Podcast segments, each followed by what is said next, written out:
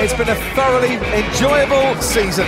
I hope you've enjoyed it along with us. And for one last time, it's lights out and away we go.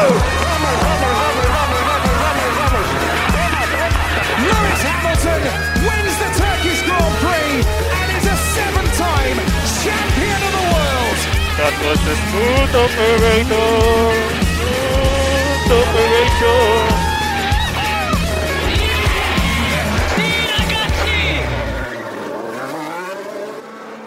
Herkese merhaba. Podstop Podcast'in bu bölümünde her zaman olduğu gibi Deniz ve ben Burak sizlerle birlikte İstanbul Park'ta gerçekleşen Türkiye Grand Prix'sini değerlendireceğiz. Bizler de yarışı direkt yerinde takip ettik. Bizim için de çok özel bir tecrübe oldu bu hafta sonunu oradan takip etmek. Deniz bu hafta sonu ile ilgili ilk hissiyatların nasıldı? Özellikle perşembe akşamı, cuma günü başlayan heyecan pazar gecesi sonlandı ve çok özel bir hafta sonunu geride bıraktık. Türkiye Grand Prix'si ile ilgili ilk görüşlerini alarak başlayalım istersen. Artıları olduğu kadar belki eksileri de olan bir organizasyondu ama tabii burada uzun yıllardır yapılmadığı için bazı aksaklıklar oldu. Ben kesinlikle olumlu yönünden bakıyorum. Artı taraflarına bakıyorum. Asla bunun e, eksi taraflarına dikkate almıyorum. Çünkü biz Formula 1 seviyoruz ve takip ediyoruz. Ee, her şeyde olduğu gibi bunun da bazı e, fedakarlık gösterilmesi gereken e, kısımları var. Yani 100 bin kişiyi bir yere topluyorsunuz. Tabii ki bazı aksaklıklar olacak. E, her şey her zaman istenildiği gibi olmayabiliyor. Ben çok keyif aldım şahsen izlemekten. O araçları canlı görmekten, pilotları uzaktan da olsa canlı görmekten, o araçların sesini duymaktan. Gayet keyifli üç gündü. Arkadaşlarımla beraberdim. Türkiye'deki Formula 1 ile alakalı e, isimleri görme şansımız oldu. Birçok paylaşım yapıldı. E, sosyal medyada çok kuvvetliydi Formula 1 hafta sonunda. E, yeni insanlar e, duydu Formula 1'i. Ne kadar keyifli olduğunu belki gördüler. Fanzone'da tribünlerde birçok Z kuşağı genç insan vardı. Bizler oradaydık. E, çok güzel bir kitle vardı. E, ben gayet keyif aldım. Yorulduk mu? Biraz yorulduk. Ama bugün dinlendik. Her şey yolunda. Bence gayet keyifli bir hafta sonuydu. Böyle istersen sen de aklına gelen e, beklentilerinden farklı olan e, şeyleri paylaşalım. E, tecrübelerimizi paylaşalım istersen. Dinleyicilerimizden de yarışa gitme fırsatı olmayanlar e, en azından nasıl bir ortam olduğunu hayal edebilsinler, görebilsinler ya da yorumlarımızı dinleyebilsinler. Gidenler de bizlerle aynı hissiyatı yaşayıp yaşamadıklarını bu konuda değerlendirebilirler.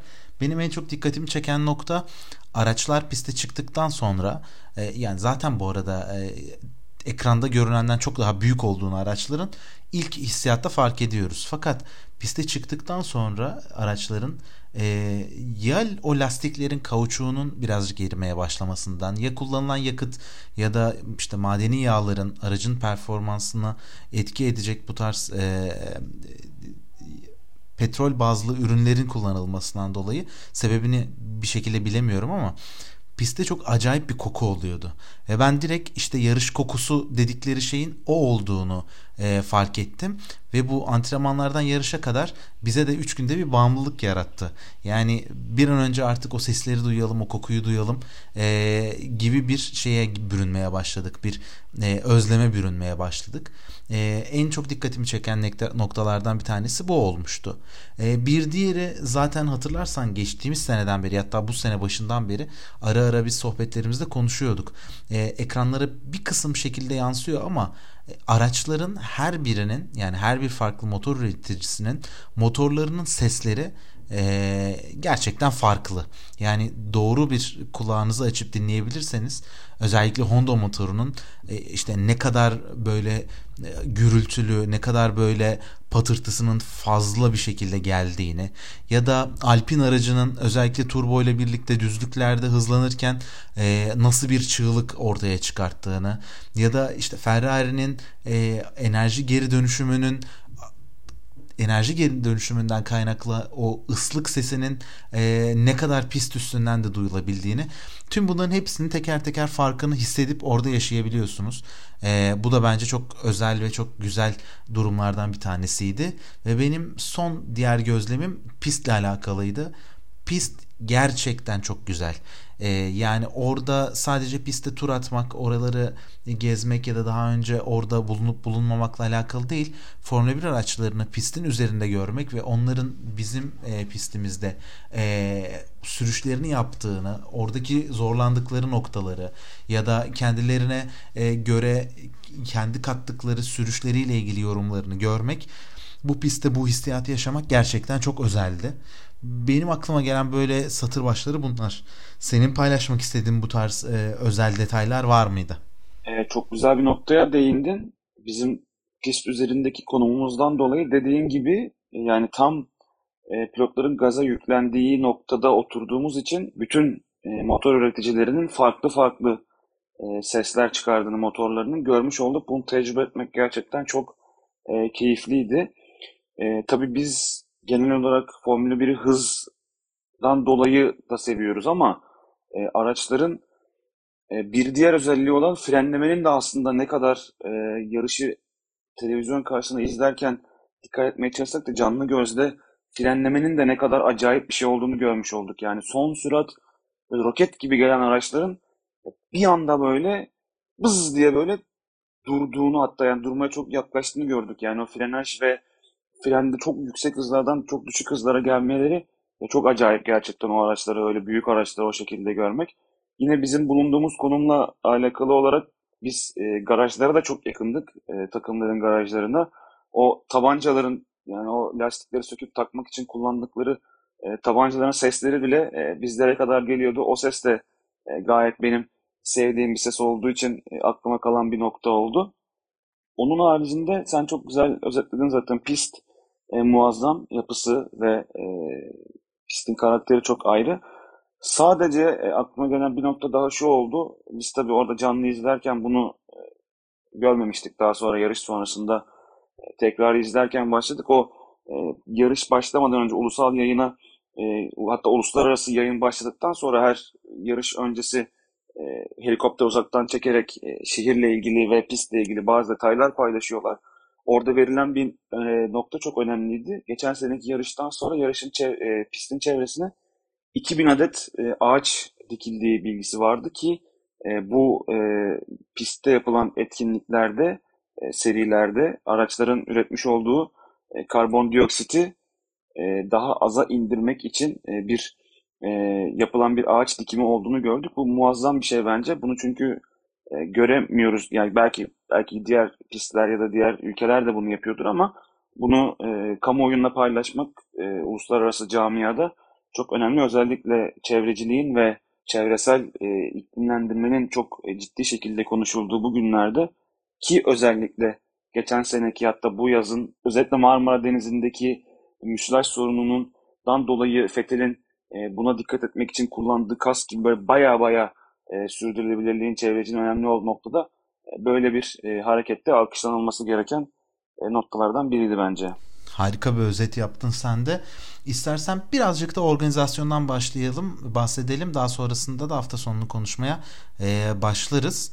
E, organizasyonla ilgili genel düşüncelerin, yorumların neler oldu? Yani biz orada tecrübe ederken birçok ya bu çok güzel olmuş ama bu yeterli değildi şeklinde yorumlarda bulunduk ama e, burada istersen birazcık daha üzerinden geçelim. Daha farklı yakaladığımız detaylar varsa onları da konuşalım isterim. Şimdi biz tabii yarış zamanında farklı röportajlar yapmaya çalıştık. Bunda YouTube ve Instagram yine Twitter kanallarından takip edebilir bizi dinleyen arkadaşlarımız. Metin Mete ile de konuşma şansımız oldu. Metin abi burada bize geçen haftaki Soçi'deki fanzondan yaklaşık 5 katı kadar insan olduğunu söyledi. Şimdi tabii organizasyon yapıyorken bir bilet satılıyor, kaç kişinin geleceği belli ya da belli değil bir planlama yapılmaya çalışılıyor. Fakat bazı noktalar kaydın başında söylediğim gibi gözden kaçabiliyor. Şimdi benim gözlemim şu olacak tabii e, iki nokta var. Biri ulaşım ve otopark problemini bir noktada ele almak lazım. Bir de fanzonu ele almak lazım. Fanzonu da paranteze açıp ben çok hızlı aktarmaya çalışayım. Senin de katkılan olsa ekle. E, etkinlik anları çok birbirine yakındı. E, simülasyon, pit stop challenge, e, reaction time işte gibi fotoğraf çekilme alanları çok birbirine yakındı. İstanbul Belediyesi'nin itfaiye ekibi gelip orada güzel bir etkinlik alanı yapmışlardı. Çok büyüktü bence. E, etkinlik alanları bu cihazlar yani etkinlik yapılan yerler birbirinden biraz daha ayrılabilir. Çünkü çok ciddi kuyruklar oluşuyordu önde. Bu kuyruklar bazı yerde birbirine giriyordu ve e, insanların hani yürümesine bile engel oluyordu. E, müzik yapılan alanda çok yüksek sesle bir müzik yapılıyordu. Ara ara çok yüksek sesle müzik vardı. Daha belki kısık bir sesle daha e, insanların eğlenebileceği, sohbet edebileceği bir e, şey etkinlik yapılabilirdi. Tamam oraya eğlenmeye gidiyoruz ama eğlenmek demek son ses bangır bangır bir DJ'in bağırması e, değil bence şahsen. Tabii keyif alanlar da vardır muhakkak. Saygımız sonsuz. E, Fanzone'da yemek alanında fiyatlar e, bize göre bir tık pahalıydı. Turistlere göre bir tık uygundu ama yemeğin kalitesi sorgulanabilir. Bunu birçok insan paylaşmış. Onun haricinde ulaşım ve e, otopark e, problemi çok ciddi boyutlardaydı. E, üç günde boyunca biz giderken her sabah çok erken gitmemize rağmen e, pist girişinden bayağı bir uzakta e, trafiğe takılıp yavaş ilerlemek durumunda kaldık. Piste girdikten sonra da ilk gün 4, ikinci gün 2, üçüncü günde yanlış hatırlamıyorsam birinci otoparka koymak durumunda kaldık. E, ilk gün haricinde ikinci ve üçüncü gün daha çok insan olduğu için otoparktan çıkmakta çok ciddi zorlandık ve sonrasında e, yola çıkmakta zorlandık. Son gün zaten inanılmaz bir kaos vardı. Bütün taraftarların e, çıkmasıyla beraber e, tam anlamıyla bir kaos yaşandı ve bir kilit söz konusu oldu. Aracını otopark parası vermeyip otoparka gelmeden önce e, dışarıda e, karayollarına daha kolay bağlanan noktalarda park eden insanlar çok daha e, hızlı bir şekilde pisti terk edebilirler. Pist içerisinde olanlar e, çok ciddi e, trafiğe takılmak durumunda kaldı. E, toplu taşımayla gelenler de bu trafiğin içindesine girdiği için onlar da mağdur oldular. Aracını kullanmayıp toplu taşımayla gelmek isteyenler. Yani raylı sistemin değerlendirilmesinin ben çok ciddi gereksinim olduğunu düşünüyorum. E, hızlı bir şekilde yorumlamaya çalıştım. Muhakkak atladığım yerler olmuştur. Daha sonrasında da aklımıza gelenleri paylaşırız. Senin de e, mutlaka katkılarını duymak isterim ben de şahsen. Ben bunun dışında içerideki organizasyondan birazcık bahsetmek isterim. E, bence bilgilendirme tabelaları özellikle iç Kasım'da oldukça yeterliydi. Fakat e, yani bizim insanımızın ne olursa olsun onları incelemektense e, sürekli olarak işte güvenliklere ya da yolda e, trafiğin akışını sağlaması gereken görevlilere aracıyla birlikte trafiğin ortasında durup e, yol sorup aklındaki soruları sorup trafiği durdurup sonra yola devam ettiğini gördük. Aslında insanlar e, yönlendirmeleri takip etseler e, oldukça tatmin edici bir şekilde tüm istediklerini yapabilirlerdi. Yani bunu şu yüzden söylüyorum. Tabii olumlu ya da olumsuz düşünenler olacaktır fakat biz de ilk gün gittiğimizde kimseyle hiçbir şey sormadan sadece yönlendirmeleri e, takip ederek her şeyin cevabını aldık ve e, olmamız gereken saatten belki de biraz daha erken bir saatte e, pistte ve hatta tribünde yerimizi almıştık. O yüzden e, birazcık bunun eksikliği yani gelen seyircilerden kaynaklı yaşandı diye düşünüyorum. E, bunun haricinde özellikle Formula 1'i seven ve takip eden e, taraftarlar için onların ilgisini çekebilecek e, detaylar vardı. Ürün satışları ya da buradaki farklı işte merchandising ürünleri gibi e, çeşitli e, hem aktiviteler hem de e, ürünler vardı. Bu anlamda bence yeterliydi. Yani kimsenin ya ben şu takımın şu ürününü bulamadım ya da bunu istiyordum bu yoktu diyebileceği çok büyük detaylar yoktu. Genel anlamda tatmin ediciydi. E, bunun yanında tribünlere giriş çıkış bence çok kolaydı ya da yani dediğim gibi biz sadece tek bir tribünde bulunduk. Biz 3 gün boyunca herhangi bir sorun yaşamadık. Hatta yani en uzun beklediğimiz sıra sanırım 30 saniye falandı. O da yarış günü e, bekledik. E, hızlı bir şekilde QR kodla bileti kontrol edip bilekliğinizi taktıktan sonra rahatça tribüne girip çıkış yapabiliyordunuz. Bilekliğinizi göstererek. E, bu anlamda büyük bir kaos ve sorunla karşılaşmadık diyebilirim. Fakat bunların tüm yorumlarını yaparken 3 gün boyunca piste e, yani en kötüsünde bile 10.30'dan önce girmiş olan e, bir seyirci olarak bu yorumları yapıyorum. Belki çok daha geç girseydik e, bizler için çok daha sıkıntılı e, durumlarla karşı karşıya kalabilirdik diye düşünüyorum. Biz bizim oturduğumuz alandan dışarıdaki yolu görüyorduk biz aynı zamanda. Yani yarış başladıktan bitene kadar süreçte bile durmadan zaten bir trafik kaosu vardı. Yani trafik hiçbir zaman bitmedi. Muhakkak gelip e, izleyemeyen insanlar da olmuştur. E, çok ufak bir parantez daha açmak istiyorum. Intercity'nin çalışan arkadaşlarının hem çalışan profili olsun hem kibarlıkları olsun konusunda gerçekten takdire şayandı. Daha Aa, kesinlikle. biz Intercity'ye yaklaşırken yoldaki üzerinde o sweatshirtleri, gri sweatshirtleri olan arkadaşlar ile çok ciddi ve çok e, kibar, saygılı, bilgili bir şekilde yardım ediyorlardı. Aynı şekilde e, tribünlerin e, girişlerindeki e, arkadaşlar da bu şekilde çok e, kibar ve sağlıklı bir şekilde e, yardımcı oluyorlardı. Fakat aynı şeyi otopark güvenliğini ve e, yani Intercity girdikten sonraki güvenliği ve otoparkı sağlamaya çalışan SESA gruptu galiba. E, özel bir şirkete verilen e, aynı şekilde geri bildirim olarak veremeyeceğiz. Yine o ekipten de otopark ve o tarafı yönlendiren ve o tarafın kontrolünün elinde olan e, ekibe de yine e, Intercity gibi çalışan profil. Özellikle bu organizasyon için yani farklı organizasyonlarda ki çalışan profillerinin seçimleri tabii ki onlarındır ama bu tarz bir organizasyonda daha e, yardımsever arkadaşları e, destek olarak göndermelerinin daha doğru olacağını düşünüyorum ben. Intercity'de buradan e, bir teşekkür de bu çalışan tarafındaki arkadaşlara olabilir. İstersen birazcık biz kendi gözlemlerimizi paylaştık. Hem de tüm hafta sonu sosyal medya kanallarımızdan yerinde aktarabileceklerimizi paylaşmıştık. Ama biraz daha sportif kısma geçmeye başlayalım istiyorum. Ee, Cuma günü antrenman seanslarıyla başladı. Ee, antrenman seanslarından öncesinde e, dikkat çekici iki tane konu olmuştu e, biz hep aramızda konuşuyorduk acaba Türkiye Grand Prix'sine özel farklı bir e, tasarım, farklı bir e, çalışma olacak mı diye e, takımlar ve pilotlar tarafından eğlenceli görüntülerle karşılaştık. Yağışlı olan günde Williams garajı e, yine bu sefer kağıttan gemilerini yapıp pilotların fotoğraflarının üstüne koyup suda yüzdürmeye çalışıyorlardı. Bunun haricinde senin de söylediğin gibi Sebastian Vettel tüm dünyada karşılaşılan ama bu sene bu yaz başında ülkemizde de ciddi bir şekilde sorun yaşayan e, denizlerdeki ve okyanuslardaki kirlilikle ilgili e, bir kask tasarımıyla karşı karşıya e, geldik. E, burada da Türkiye'deki denizlerde yaşanan müsilaj sorununa dikkat çekip denizlerin ve okyanusların temiz tutulmasının insan hayatına olan e, etkisi ve değerinden bahseden bir tasarım vardı. Bunun yanında McLaren'de Lando Norris de Dünya Akıl Sağlığı Günü World Mental Day e, sebebiyle e, o da özel bir kas tasarımıyla karşı karşıya e, bıraktı tüm seyircileri. E, zaten Daniel Ricciardo ve e, Lando Norris bu hafta sonu sosyal medya hesaplarından e, takımın da sosyal medya hesabı, hesabından yapılan e, paylaşımlarına e, hep bu tasarımı ön plana çıkararak insanların karşısına çıktılar.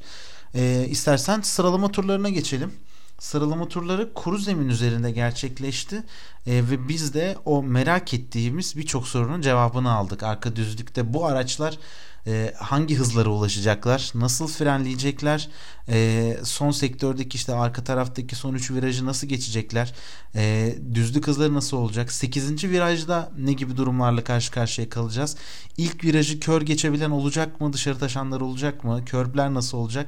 Derken e, bizim tüm sorularımıza cevap veren bir sıralama turlarıyla karşı karşıya kaldık. E, ve buradan dikkat çeken noktalar da olmadı değil. McLaren pilotu Daniel Ricciardo Q1'de elendi. Hafta sonu hep beklenen beklenenin altında bir performans gösterdi. E, bu sebeple McLaren adına sürprizle karşılaştık. Bunun haricinde e, Williams'tan Latifi, Alfa Romeo pilotları ve Nikita Mazepin en geride kaldı. Q2'ye geldiğimizde de özel bir sürprizle karşı karşıya kaldık. Mick Schumacher kariyerin en iyi pozisyonunu aldı sıralama turlarında ve yarışa 14. sıradan başladı. Carlos Sainz'ın güç ünitesi değişikliği sebebiyle Q2'de tur atmaması sadece tek bir tur atmasından dolayı zaman turu kaydetmedi e, ve bundan dolayı da Mick Schumacher aldı cezadan dolayı Sainz'ın e, zaten kendine her türlü 14. sırada yer bulacaktı. George Russell, Esteban Ocon ve Sebastian Vettel Q2'de elenen diğer pilotlar oldu. E, Vettel çok ufak farklarla kaçırdı Q2 için daha iyi yapabilirdim diyerek e, yine aslında üzüldüğünü belirten telsiz mesajlarıyla birlikte e, seansı kapatmış oldu. Q1'e geldiğimizde yine çok özel performanslar izledik. Ee, ben buraya şu yorumumu katarak söylemek istiyorum. Lewis Hamilton pole pozisyonunu aldı. 1.23'ün altına indi takım arkadaşıyla birlikte ve aslında bir pist rekorunu egale etmiş oldu. E, fakat Hamilton'ın 1.22.868'lik performansı e, bunu hep merak ediyordum gerçekten. E, gözle görülür bir şekilde çok iyiydi. Yani özellikle düzlükte hızlandığı nokta, frenleme noktası, yarış çizgileri, aldığı çizgiler E, her defasında farklı şeyler deniyordu antrenman turlarında.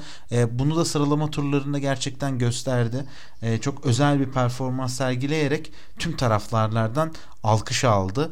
E, ki ufak bir parantez daha paylaşalım. Ciddi anlamda kalabalık bir Red Bull taraftarının olduğu bir noktada e, antrenman turlarında ara ara yuhalanmış olmasına rağmen belki yayına yansımamıştır. Sıralama turlarındaki performans performansıyla herkesi kendine hayran bıraktı ve e, ayakta bir şekilde e, tüm taraftarlar onu alkışladı. Bunun haricinde Ferrari pilotu Charles Leclerc Q2'de bir türlü istediği performansı elde edememişti. Fakat takım arkadaşı Carlos Sainz'ın onun önünde piste bir tur çıkması ve ona e, bir slipstream yaratması ile birlikte iyi bir performans sergileyip Q3'e kalmıştı. Q3'te de e, artık damalı bayrak çıkarken attığı son turda kendini dördüncü sıraya atmış oldu. Lewis Hamilton e, içten yanmalı motor değişikliği ICU değişikliğinden dolayı 10 sıra grid cezası aldığı için Valtteri Bottas, Max Verstappen ve Charles Leclerc e, ilk üçlüsüyle aslında sıralama başlamış oldu. Sıralama turlarında senin dikkatini çeken, aldığın notlarda bulunan farklı bir e, anekdot var mıydı Deniz? E, o kadar net özetledin ki yani benim gerçekten ekleyeceğim başka bir şey yok bu noktaya. Sadece e, bir e, bahsettiğim konulardan birine yorumum olacak. Hamilton'ın atmış olduğu o turun e, bizim de e, gözle görülür bir şekilde e, iyi olduğundan bahsetmiştin. Şimdi tabi burada e, saniyenin yüzde biri, binde biri, onda birini konuşuyoruz. Yani tabii ki oradaki hızı ya da bizim gözümüzde yani ya bu yüzde iki daha hızlıydı, binde beş daha yavaştı vesaire gibi bir şey ayırt hiç mümkün değil tabii ki insan yapısı gereği. Lakin yani e, tabii izleyebildiğimiz kısmıyla bile o aracın geliş hızı, ivmelenmesi, viraj dönüşü, duruşu, kalkışı, işte gaza basış, basışı, doğru çizgiyi yakalamasıyla bile zaten o orada onu hani hissedebiliyorsun yani bu bu gerçekten Formula 1 takip eden birisi çıplak gözle bunları gördüğünde gerçekten ya bu tur iyi gidiyor. Ya tabii arka düzlükte vesaire görmediğin alanda bir pist dışına taşmış olması vesairesinin zaman kaybettirmesini kenara bırakıyorum. Görebildiğin kısımda bile araçları şey yapabiliyorsun. Yani değerlendirebiliyorsun ve kıyaslayabiliyorsun. Yani o düzlüğe hız taşıyabilmiş olanın gaza bastığındaki motorunun çıkardığı sesinden işte yarış çizgisine oturanından ya da oturamayanından hissedebiliyorsun yani bu tur iyi bir tur ya da kötü bir tur diye. Biz Hamilton son düzlüğe girdiğinde zaten birbirimizi dürtüp yani müthiş bir derece geliyor galiba diye söylemiştik birbirimize ki e, gördüğümüz rakamda bizi şaşırtmadı. Yani onu evet çıplak gözle belki e, binde bir, yüzde bir ayırt edemiyorsunuz ama bu bahsettiğim konular gerçekten e, bir pilotun ya da şampiyon bir pilotun ne kadar iyi gittiğini o anda size hissettiriyor ve anlayabiliyorsunuz iyi bir tur olduğunu çok aslında güzel bir noktaya değindin. Orayı da bir açıklamakta fayda var. Takipçilerimizden bu konuda e, akıllarına bir soru işareti olmasın. E, bizim bulunduğumuz bölüm, bulunduğumuz tribün arka düzlüğün sonunu işte son 3 virajı ve start finish düzlüğünün e, en sonunu olmasa da önemli bir kısmını görebildiğimiz bir alandaydı. Dolayısıyla zamanı takip edebilmek için çok uygun bir yerdi. Ee, şöyle yani takip ediyorduk en azından kendim için söyleyeyim. Hamilton arka düzlükte frenlemeye başladıktan sonra virajı almaya başladığı ilk anda e, pistte bulunan dev ekranlardan tur zamanını takip ediyordum. Yani ekranlardaki zaman biraz daha geriden geliyordu fakat aynı geriden gelme diğerlerinde de olduğu için e, rakip pilotlarla diğer pilotlarla karşılaştırma imkanımız oluyor. Dolayısıyla her pilotun arka düzlükte frenledikten sonraki virajı almaya başladığı andaki zamanları karşılaştırdığımız zaman Hamilton oldukça iyi geliyordu. Eee bunu zaten gördükten sonra artık geri kalanını çıplak gözle fark edebiliyorsunuz. Çünkü o virajı dönmeye başladıktan sonra aldığı çizgi, aracın önden ya da arkadan yaşadığı kaymalar, senin de söylediğin gibi tam start finish düzlüğüne çıkarken işte bordürleri doğru çıkıp çıkmaması, oradan taşması ya da orada e, gaza oturduğu an e, artık gözle görülebilir bir şekilde fark ediyordu. Biz de bunların hepsini birleştirip senin söylediğin gibi birbirimizin koluna vurduğumuz anda e, zaten gördük ki Hamilton e, pist turunu e, kırmış bir şekilde pole pozisyonunu almıştı. E, diyelim ve istersen o muhteşem pazar gününe doğru yavaş yavaş geçiş yapalım.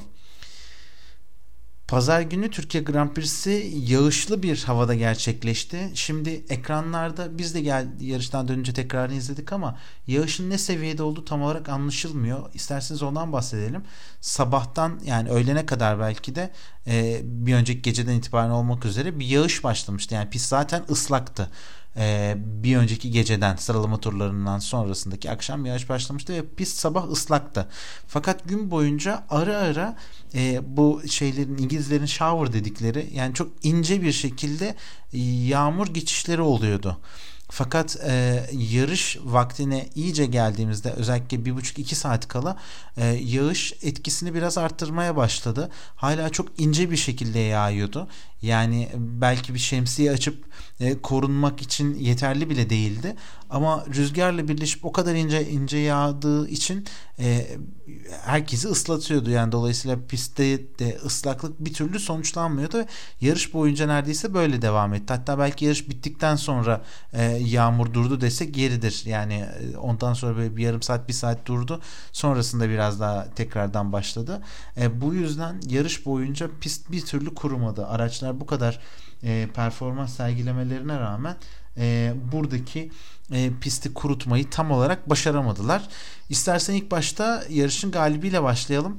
Mercedes'le başlayalım. E, Mercedes... Yarışın galibiyle başlamadan önce biz kaydın yaklaşık 20 küsürüncü dakikasına geldik. Bu ana kadar e, özel bir teşekkürü hak eden bir e, ekibe aslında teşekkürü etmeyi unuttuk. O da Tuzla Belediyesi'nin pist üzerindeki suyu temizleyen araçları olacak. Hafta sonu boyunca e, Mercedes de sosyal medyası üzerinden e, bu araçları paylaşıp, Mercedes logolu araçları paylaşıp e, onları da e, tebrik etmiş oldu diye, diyebiliriz. E, şaka bir yana gerçekten bütün hafta sonu boyunca pist üzerindeki e, senin de bahsettiğin çok fazla olmasa da o suyu ve e, biriken bazı anlardaki suyu tahliye etmeye çalıştılar. E, şaka bir yana bu da hafta sonunun komik anlarından e, ya da güzel karelerinden biriydi bence diyeyim. E, sözü tekrar sana bırakayım. Yok yok çok güzel başladın. Tuzla Belediyesi'nin Mercedes araçlarıyla girdin. O yüzden Mercedes'ten konuşmaya başlayalım. Sözü sana bırakayım. Sen nasıl değerlendireceksin Mercedes'in bu hafta sonundaki özellikle yarıştaki performansını? Yani ben yarış öncesinde de konuşurken sizlerle ve pistteki fanzondaki arkadaşlarla da şahsen Mercedes taraftarı olmasam da yarışı Bottas'ın kazanacağını e, tahmin etmiştim ve hani düşündüğümüz gibi de oldu aslında. E, çünkü fantezi takımıma da koydum diyorsun. Yani inanmıyorsanız oradan girip bakın. evet. e, puanları topladım diyebilirim. Ya bu sezon özellikle seneye Mercedes'le beraber olmayacağı açıklandıktan sonra üzerinde bir rahatlama vardı ve daha rahat bir şekilde sürüşler yapıyordu. Bu sezon henüz bir galibiyeti yoktu. Ben o yüzden çok hırslı olacağını ve bu tarz yarışlarda özellikle yağmur olan pistlerde ve sprey etkisinin fazla olduğu e, yarışlarda önde kalkan pilotun eğer startta bir hata yapmazsa yarışı kolay bir şekilde e, götürebileceğini tahmin ediyordum. Yani bunu tecrübelerim bu yönde olduğu için Bottas'ın da aynı şekilde başarılı bir şekilde götüreceğini tahmin ediyordum. Sadece geçen sene bu pistte çok ciddi şekilde yağmur varken 6 kere spin atmıştı yanlış hatırlamıyorsam. Kötü bir yarış geçirmişti. E, ben buradan da o hatalarından tecrübeli pilot olduğu için e, ders çıkartacağını tahmin edip e, simülatörde de iyi zaman geçirip bu hatalarını tekrarlamayacağını düşünüyordum. O yüzden e, iyi bir sürüş yapmasını bekliyordum. Dediğimiz gibi de oldu. E, kendisi de hatta aynı şekilde söyledi. Bir tane e, sanırım birinci virajda bir e, arkadan çok hafif bir kayma haricinde hatasız bir e, sürüş yaptı. Bu sezonki galibiyetini aldı. Onun yarısı yine Hamilton da e, çok ciddi ve e, güzel performans ortaya koydu. E, biz de yine neredeyse her tur bir kişi geçtiğini görerek başladık yarışa ve Snowden'ın arkasına kadar geldi. Çok iyi geçişler yaptı. Özellikle yarışın sonlarına doğru ve hani bir şeyde e, Perez'le olan kısımdaki Perez'le olan mücadelesi de kayda değerdi. Yine Hamilton'ın Tabii bu yarış özelinde e, 11. sırada başlamasının vermiş olduğu bir dezavantaj vardı. Yere kadar yükselmesinde ve bunun da oradan sonra yükselmesinin çok kolay olmayacağını zaten biz de bekliyorduk ve beklediğimiz gibi oldu. E, sözü sana bırakıp tekrar e, Mercedes hakkında yorumlarını ve daha sonraki takımlar hakkında yorumlarını yapmadan önce kısa da bir e, stratejisinden bahsetmek istiyorum. Yarış sonuna doğru e, bir lastik değişimi yapmak durumunda kaldılar. Takımla beraber aldığımız bir karardı dedi daha sonrasında yarış sonrasında ama yarış sırasında yanlış yaptı gibi bir e, demeci oldu aslında. Ama yarış sonrasında hem takımın yaptığı açıklamada hem Pirelli'nin yaptığı açıklamada yarışa bu şekilde devam etmesi durumunda e, lastiklerin yarışın finişine kadar Hamilton'ı götürmeyeceğinin açıklamasını yapmışlardı. Burada tabii aklına soru işareti oluşan e, arkadaşlarımız oluşabilir. Çünkü Ocon yarışı pit yapmadan e, tek set lastikle bitirdi ama sağ ön lastiğinde çok ciddi bir e, yarık vardı. Artık siliğin de altına geçmişti neredeyse lastikler. Özellikle yarışın, özellikle pistin e, 8. viraj ve sonrakindeki e, yüksek hızdan yavaşlayıp dönülen virajların neredeyse tamamı sola doğru olduğu için araçların sağ ön lastiklerine özellikle çok ciddi bir yük biniyor ve bu da ön lastiklerin, sağ ön lastiklerin çok ciddi şekilde aşınmasına neden oluyor. Burada tabii Ocon e, yarış boyunca tabii ki ikili mücadelelere girdi ama Hamilton kadar 10 sıradan yükselip e, belli bir yere kadar gelmemişti ve e, son turlarda da arkasında e, Gasly'nin e, ciddi bir e, baskısına maruz kalmadığı için Ocon lastiklerini daha e, net saklamış olabilir. Aynı zamanda kendisi de zaten yarış sonunda yaptığı açıklamada e, Ocon kendi yaptığı açıklamasında birkaç viraj daha gitsem muhtemelen patlayacaktı e, gibi bir e, açıklama yaptı e, lastikler hakkında. O yüzden bence Hamilton'ın ve takımın lastik değiştirme stratejisi e, çok doğruydu. E, lastik stratejilerinin girilen pit, e, girilen e, tur, lastik değişimi için girilen turun sayısı önemliydi bence. E, bunu da e, bence e, Ferrari ve Leclerc'i konuşurken e, bir parantez olarak e, bahsetmek isteyeceğim lastikler ve e, pist hakkında. Hafta sonuna baktığımız zaman Valtteri Bottas e, oldukça iyi bir performans sergilemişti. Pazar günü ise neredeyse hatasız bir sürüşü vardı. Yani e, yanlış hatırlamıyorsam sadece bir kere e, ilk virajda bir hafif bir önden kayma yaşadı. Orada işte 3,5 saniyeye kadar çıkan fark tekrardan 2 2.5'lara belki 2.7'lere kadar geri gelmişti. Fakat bunun haricinde ne pit stoplarda ne yani pist üstündeki mücadelesinde e, hiçbir sorunla karşı karşıya kalmadı ve oldukça e, kontrolcü e, ve istediği tempoyla istediği şekilde yönettiği bir e, yarış oldu. E, şimdi ön tarafta işte Hamilton'ın olmaması, Verstappen'in ve Red Bull'un tam olarak piste uyum sağlayamaması, o beklenen performansı gösterememesi e, gibi gibi durumları böyle alta alta alta koyduğumuz zaman Bottas'ın bu zaferi çok e, böyle çok ucuz böyle daha bedava bir zafer gibi e, görünebilir e, takip edenlerin gözünde fakat bunun böyle olmadığını e, altını çizmek için bunu söylüyorum. Çünkü gerçekten herhangi bir e, sorunla karşı karşıya kalmadan oldukça e, etkileyici bir e, sürüş yaptı. Yaptığı yorumlarla, telsiz konuşmalarıyla takımı da çok doğru yönlendirdi. E, lastiğin durumuyla ilgili verdiği geri bildirimler, e, lastik değişimi sonrasında attığı turlar e, tam anlamıyla diğer rakiplerine göre üstündü ve bununla birlikte de oldukça hak edilmiş bir galibiyet aldığını düşünüyorum. Diğer taraftan Hamilton'ın e, yarış bittikten sonra yani henüz daha çok sıcağı sıcağına ne söylememiz ne konuşmamız gerektiğini bilmiyorum fakat e, sanki e, pite girmesem ya da daha erken girsem e, çok daha iyi olurdu şeklindeki yorumlarını da e, yani yarış bittikten sonra daha sağlıklı bir şekilde değerlendirildikten sonra e, daha başka bir şekilde evrileceğini düşünüyorum ben. Çünkü e, Mercedes takım patronu Toto Wolff yarış sonrası yaptığı açıklamada Hamilton'ın pite çağrılması kararını alan takımın arkasında olduğunu ve oldukça doğru bir hamle yaptıklarını düşündüğünü söylediğini açıkladı. E, bu da bir bakıma Toto Wolff'ün e, basında çıkan Hamilton'ın takıma ve stratejik kararlara karşı olduğu iddialarını e, açıklamak için yapılmış bir açıklama olarak e, görebiliriz diye düşünüyorum. E, bu anlamda Mercedesler için oldukça etkileyici bir hafta sonunu e, geride bırakmış olduk. Çünkü Lewis Hamilton'da geriden gelmesine rağmen 11. sıradan start almasına rağmen e, o da oldukça iyi bir performansla yarışı 5. sırada bitirdi. E, ki belki yani pit stop stratejileri biraz daha farklı olsaydı e, podyuma kadar zorlayabilirdi diye düşünüyorum. O anlamda Mercedes için e, galibiyetle birlikte geçen bir hafta sonu e, başarılı bir hafta sonudur e, diye yorumlayabiliriz. İstersen Red Bull'a geçelim. Red Bull'da uzun bir süre sonra tekrardan duble podyumla Türkiye'de yarış tamamladı. Red Bull'la ilgili senin gözlemlerin neler oldu?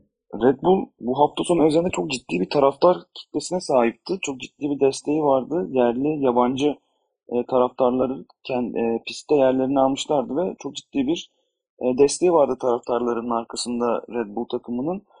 E, hafta sonu özelinde e, geçen seneki pistin performansının bu kadar e, değişemeyeceğini düşünen takım yere basma gücünü ve süspansiyonlarını buna göre ayarlamıştı.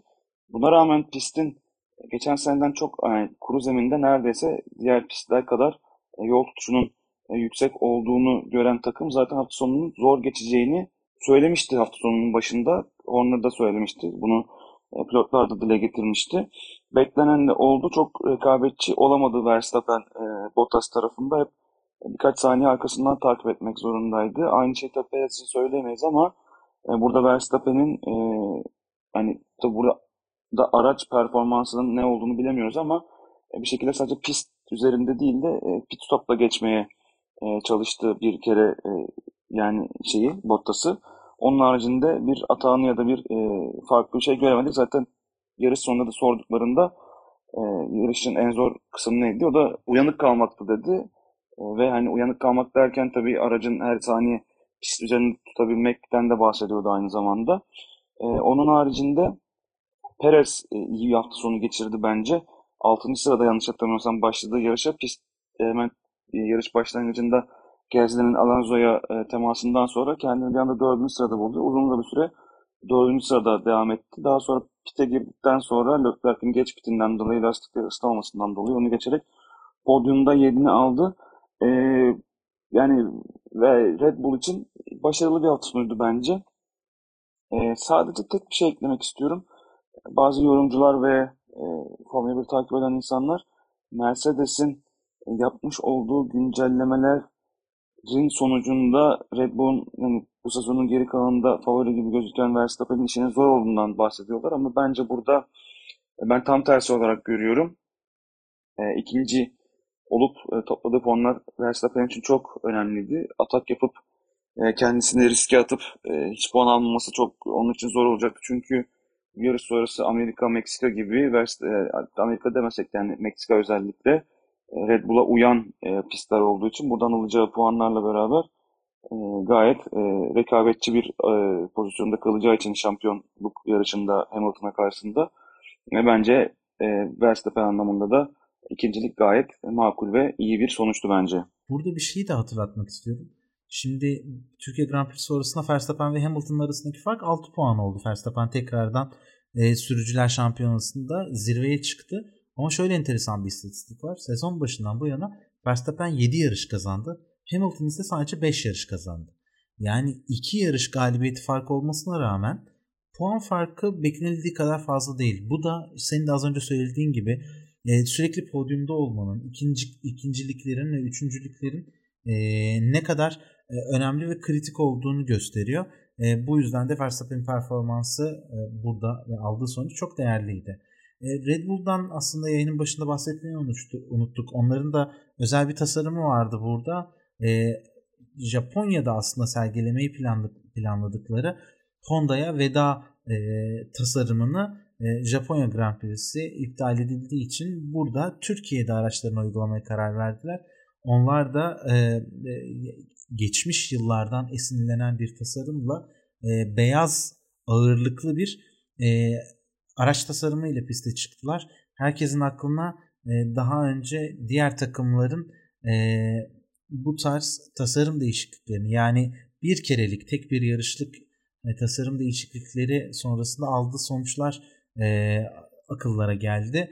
E, gerçi bunu McLaren'de Norris kırmıştı. E, McLaren'in Monaco Grand Prix'sine özel hazırladığı e, tasarımıyla birlikte podyuma çıkmıştı.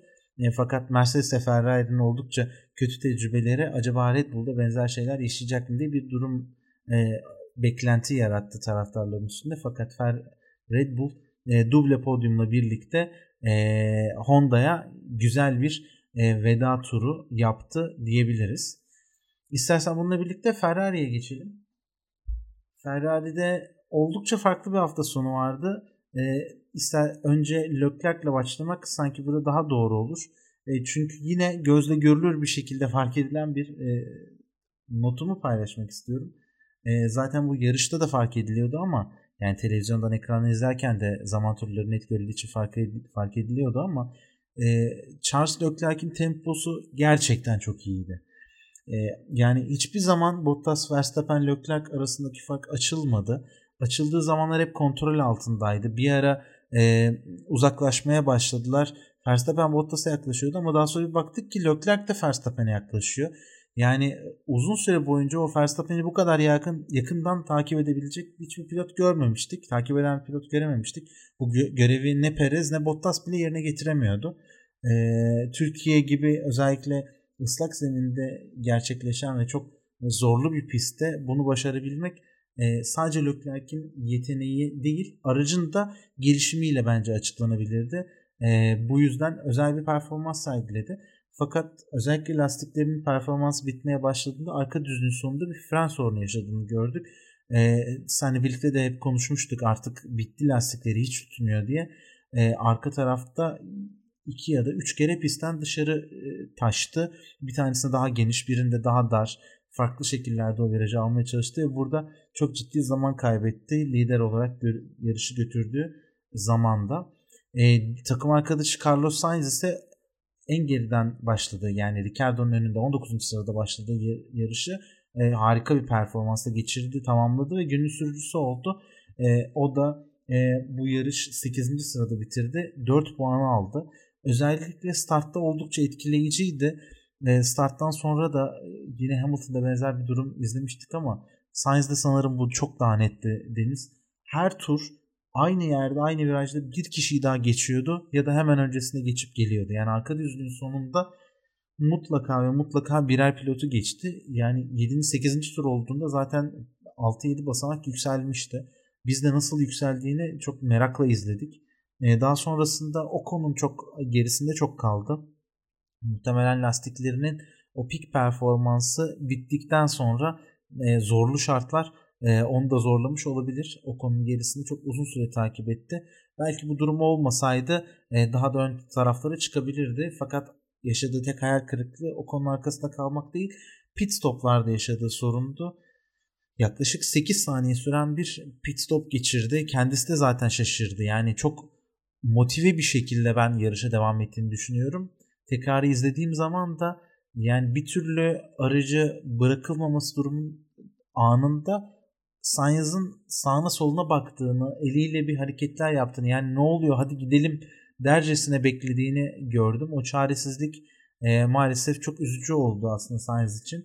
E, belki Pitt'te bu sorunu yaşamasa daha iyi bir performansla e, çok daha üst sıralarda kendine yer bulabilirdi diye düşünüyorum. Çünkü ön tarafta Pierre Gasly de aslında 5 saniye zaman cezası almıştı startta. E, Alonso'ya yaşadığı Alonso ile yaşadığı temastan dolayı e, bu sebeple hem Norris'i geçebilecek bir temposu vardı hem de e, Gazli'nin de bu cezasıyla birlikte kendini daha ön sıralarda bulabilirdi. E, belki takım arkadaşıyla önlü arkalı bir e, performans bile yaşayabilirlerdi diye düşünüyorum. Son bir not daha ekleyip Ferrari için sözü sana bırakacağım. E, şöyle bir enteresan nokta vardı. Ar, e, hız tuzağı yani speed trap dediğimiz yer pistte arka düzlüğün tam sonundaydı. Yani pilotların e, pistte en yüksek hıza ulaştıkları yer burasıydı.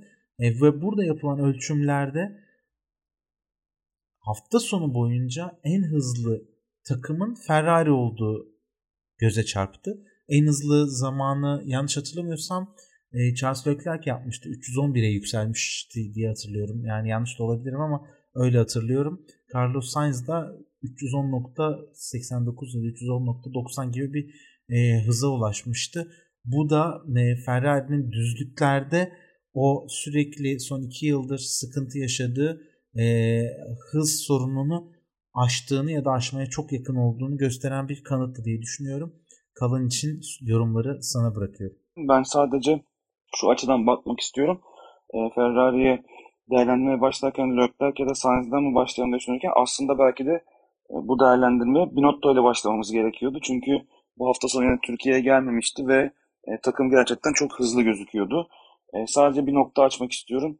E, Charles'ın e, yarış mühendisiyle olan inanılmaz komik bir e, konusu, bir, bir telsiz görüşmesi geldi ekranlara. E, Lökler artık e, bitmeye yakın lastiklerle beraber e, yaklaşık son 8 tura girerken arkasında yeni lastiklerle her tur 2 saniye kapatan Bottas'ın önünde ilerlerken e, Charles hani bu şekilde devam edersek yarışı kaçıncı bitiririz diye sorduğunda e, Bottas'a geçilmezsen birinci bitiririz diye trajikomik bir cevap aldı yani yarış e, şeyle gerginliğiyle beraber e, takım mühendislerinin bunu e, Lökler'e çok daha doğru bir şekilde aktarabiliyor olmaları gerektiğini düşünüyordum ve yine Sainz'in de dediğin gibi uzun pitiyle beraber aslında onun da yarışını biraz olsun bozmuş oldular. Yani e, Binotto'nun olmadığı sonlarını iyi geçiriyorlar derken yine e, ufak tefek hatalar yaşamadılar değil. Ben sadece e, az önce bahsettiğim o lastik sorunundan bahsetmek istiyorum. Lökler acaba yarış sonuna kadar aynı lastiklerle gidebilir mi diye düşünürken bir yerden sonra pite girmek zorunda kaldı o da ve girdikten sonra aslında yarışa Perez'in önünde e, çıkmış olmasına rağmen pitten e, biz hatta yeni lastiklerle beraber muhtemelen podyumda kalır diye beklerken Perez çok kısa bir sürede Lökler'i geçti. Bu da aslında şöyle açıklanabilir. Yani hatalı da bir düşünce olabilir gerçi bilemiyorum ama e, yarış içinde özellikle mesela Vettel bir noktada e, silik lastiklere geçme denemesi yaptı ve başarısız bir denemeydi. Bir tur sonra çok ciddi sıra kaybedip e, silik lastiklere çıkarıp yeşil logolu lastiklere geri döndüler ama yarış sırasında da yarış sonrasında yapılan bir açıklamada hatırlamıyorum. Sanırım Lando Norris tarafından yapılan bir açıklamada pist e, siliklere geçilemeyecek kadar ıslak ama yeşil logolarında kullanılmayacağı kadar yani ıslak zeminin kullanılmayacağı kadar da kuru e, yorumunu yaptı. Yani tam olarak pist böyle çok e, çok ortada bir e, ıslaklıktaydı. Bu da aslında şu anlama geliyor. Islak başlayan yarış tur ilerledikçe, turlar ilerledikçe araçlar e, geçtikçe e, bir yarış çizgisi oluşmaya başlıyor. Bu yarış çizgisi kurumaya başlıyor. O yüzden de aslında bu yarış çizgisinden bahsederek e, bu yorumları yapıyorlar. E, fakat turlar ilerledikçe ilerledikçe hatta son turlara 50. turlara gelindikçe o yarış çizgisi iyice kurumaya başladı. Ee, böyle 40. tur gibi yani işte Perez'in vesairenin lastiklerini değiştirdiği turlarda çok kurumadığı için e, bu e, geçiş lastikleri e, siliye doğru dönmeye başladığı turlarda aslında pist kurmaya başladı ve o yüzden bir avantaj sağlamaya başladılar lastiklerini 50. turda değiştiren, 50 gibi turlarda 52. turda değiştiren Leclerc ve Bottas, e, Hamilton düzeltiyorum. Daha o lastikler silinmeden göreceli kuru pist üzerinde yeşil logolu lastiklerle ilerledikleri için de aslında e, biraz zorlandılar ve e, özellikle Leclerc Perez'e geçildi. Hamilton'da e, hemen arkasındaki gerçekten e, ciddi bir e, baskı yemek durumunda kaldı. E, bu da bir nokta olarak, e, bir bilgi olarak paylaşabiliriz burada. Fakat e, son bir övgüyü de Sainz'e yapmak lazım. 19. sıradan başladığı yarışa dediğim gibi her tur birini geçerek ilerledi.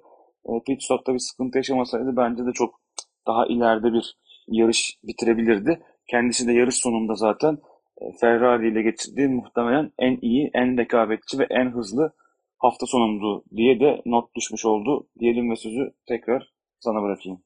İstersen Alpine'le devam edelim. Fernando Alonso hafta sonuna güzel başlamıştı. Tur performansları, süreleri oldukça iyiydi. E, sıralama turlarında da 6. sırada tamamlamıştı. 2'ye 3'e kalarak etkileyici performans sergiledi. E, Hamilton aldı ceza ile birlikte 5. sıradan start aldı. Aslında pistin temiz tarafında yer alıyordu. Fakat startta e, Gazli ile yaşadığı temas e, ona çok pahalıya patladı. Attığı spinle birlikte geride kaldı. Yine ilk tur bitmeden e, arka düzlüğe çıkarken yanlış hatırlamıyorsam Mick Schumacher'le bir temas yaşadı ve iyice geride kaldı. Hem Schumacher'in de yarışını e, olumsuz bir şekilde e, etkilemiş oldu. Hem de kendi yarışı da e, daha ilk turdan amaçsız bir hal aldı. E, belki Alonso ön sıralarda olsa yani neler olurdu neler olmazdı diye şöyle bir e, kafamda senaryoları çalıştırmaya e, uğraşıyorum e, yani podyum yapardı ya da işte şöyle farklı olurdu gibi bir şeyi pek açıkça sıcak bakamıyorum. Yani öyle bir ihtimal pek görünmüyordu. Yani Ferrari'den e, öndeki işte Red Bull'lardan falan performansı, temposu e, o kadar iyi değildi. Hatta belki Alfa Tauri'den bile iyi olmadığını söyleyebiliriz Pierre Gasly'den. E, fakat özellikle arkadan tırmanan pilotlar için yani Hamilton için e, tekrardan bir o Macaristan sendromu yaşatabilirdi.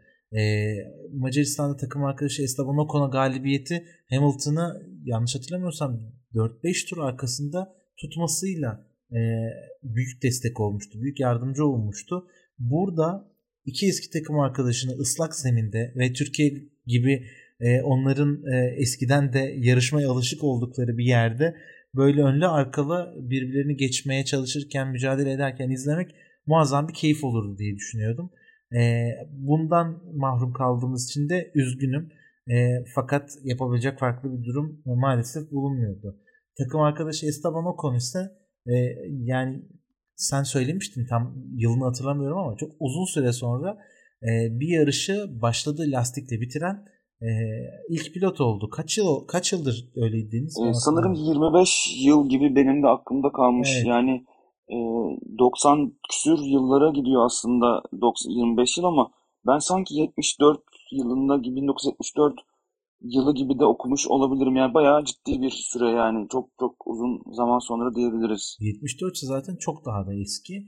O yüzden e, çok özel bir durumdu. E, zaten yarış bittiğinde ama gördük yani sadece geçiş lastiklerinin dışındaki o desenli yüzey değil e, bunun haricinde iç kauçuk kısmında bile neredeyse delikler ve e, kocaman e, yıpranma alanlar oluşmaya başlamıştı.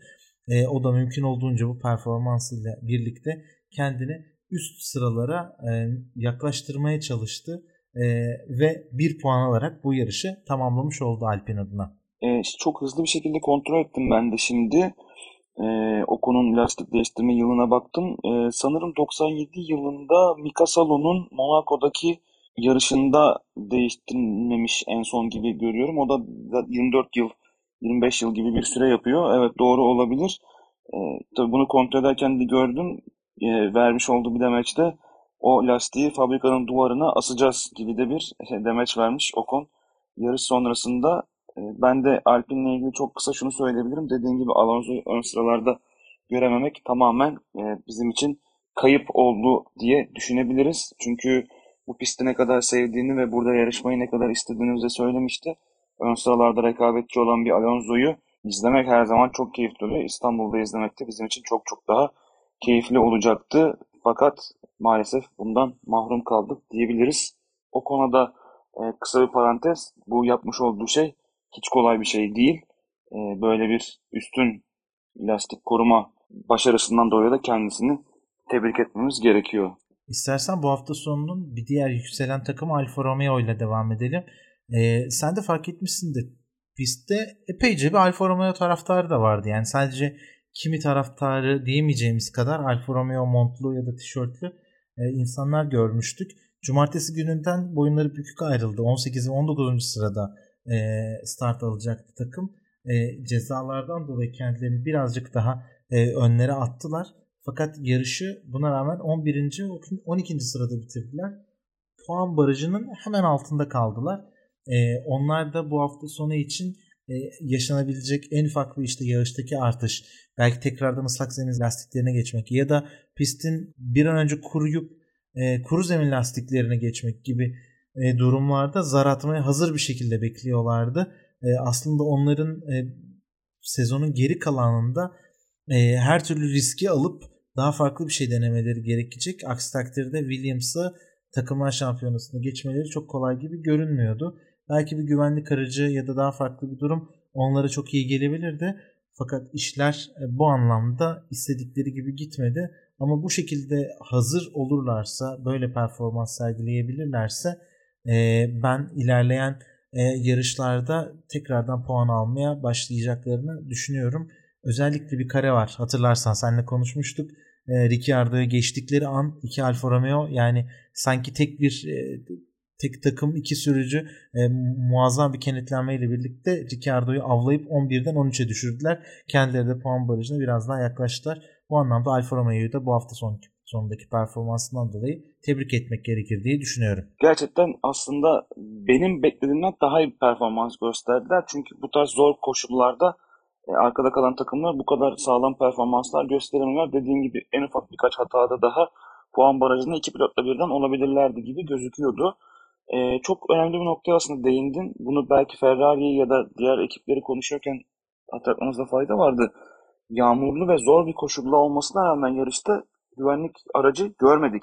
E, biz Leclerc'in e, pite girmesini beklerken aslında bir yandan da acaba güvenlik aracı mı bekliyorlar diye de birçok kez kendimize sorduk. Çünkü Leclerc'in özellikle pist üzerindeki avantajlı bir konumda bir güvenlik aracını görmüş olsaydık belki biz şu anda Leclerc'in galibiyetini konuşuyor olurduk. E, bu da aslında önemli bir noktaydı. Atlamış olduk. Ama e, Alfa Romeo'yu konuşurken de yani bu tarz bir e, durumdan avantajlı çıkabilecekleri e, bir pozisyon olabilirdi. Lakin dediğim gibi e, avantaj e, bu şekilde zor koşullara adapte olabilmeye devam ederlerse önümüzdeki yarışlarda belki Williams'ı yakalamak, belki de geçmek için e, avantajlı bir konum yakalayabilirler kendilerine. Çok kısa takımlarla ilgili son ufak bir ekleme daha yapmak istiyorum ben. Bu hafta özelinde konuşmadığımız fakat yarışa, Formula 1'e, bu spora damga vurmaya hazırlanan e, bir kardeşimizin e, Mazepin'in de aslında bir yorum yapmamız gerekirdi ama bu kısa süreye sığdırmak istemiyorum. E, sözümüz olsun bir sonraki haftada bu haftayla beraber Haas özelinde Nikita Mazepin'e de birkaç çift sözün olmasını isterim diyeyim. Evet Deniz yavaş yavaş programın sonuna doğru geldik. Bu hafta sonu Türkiye'de senin günün sürücüsü adayın kimdi? Biz bunu yarış sırasında konuşurken tabii performanslar ne kadar sağlam ya da sağlam olduğunu çok net göremediğimiz için ben Bottas'tan yana kullanmıştım aslında. Çünkü hatasız bir şekilde yarışı kazandığı için. Ama sonrasında e, özetini ve yarışın tekrarını izledikten sonra ben de e, fanların çoğunlukla seçmiş olduğu e, Carlos Sainz'a veriyorum günün sürücüsü oyumu. Ben de e, tam tersini düşünüyorum. Pistte konuşurken Sainz çok iyi yükseldi. Bence Sainz olabilir herhalde diye söylemiştim. Fakat ben de performansları izledikten sonra e, Valtteri Bottas'ın e, günün sürücüsü ödülünü daha çok hak ettiğini düşünüyorum. Her ne kadar geçiş yapmadan bu yarışı tamamlamış gibi görünse de belki de Mercedes aracıyla aldığı son galibiyeti burada yaşamış oldu. E, eğer öyleyse bile e, bu son galibiyeti e, şanla yakışır bir galibiyet oldu. E, çok dominant ve kontrollü bir performansla e, o güzel 8 temalı e, Türkiye Grand Prix'sinin birincilik ödülünü havaya kaldırdı. Bu anlamda benim e, adayım da Valtteri Bottas oldu diyelim. E, önümüzdeki hafta yarış olmayacak. Bir sonraki hafta e, Austin'de Amerika Grand Prix'si gerçekleşecek. Amerika Birleşik Devletleri'ndeki yarış yine heyecan kesici olacak diye düşünüyorum. Bir sonraki yarış haftasından sonra görüşmek üzere. Hoşçakalın. Hoşçakalın.